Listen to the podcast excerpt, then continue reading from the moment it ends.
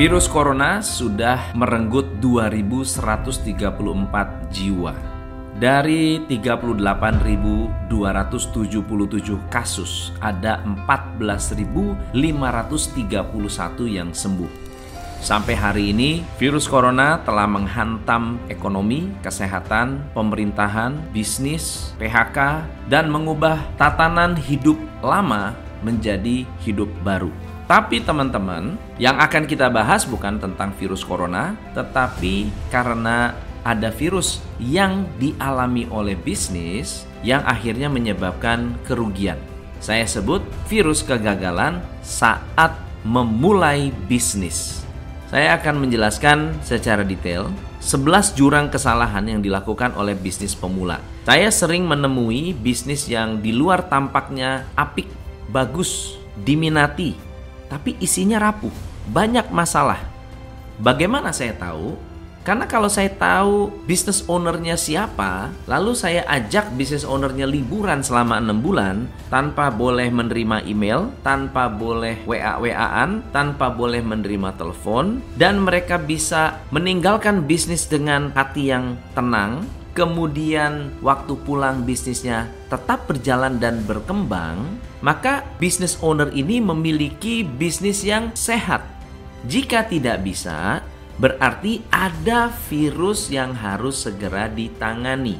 Virus ini mengancam bisnis Anda justru pada saat bisnis itu baru dimulai.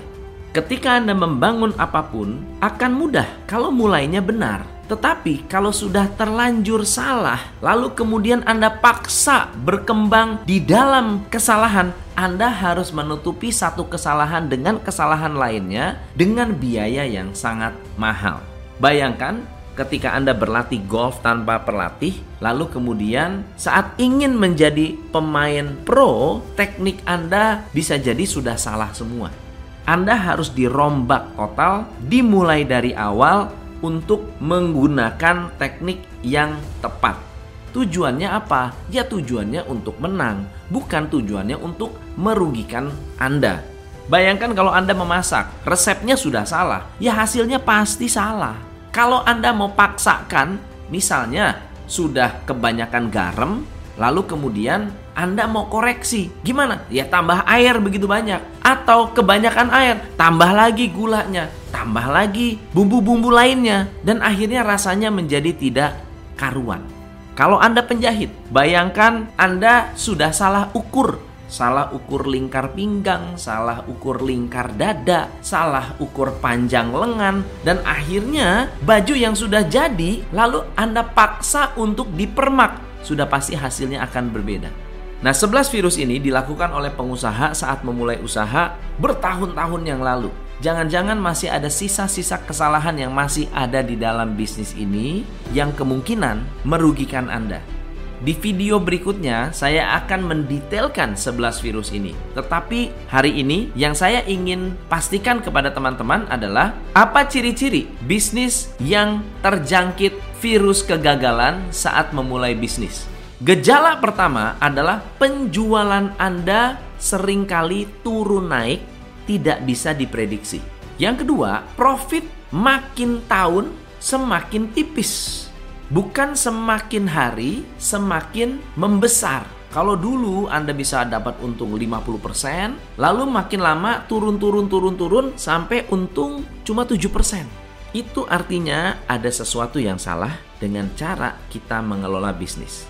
Gejala yang ketiga adalah karyawan Anda tidak termotivasi atau Anda memiliki karyawan dengan semangat yang terus-menerus menurun.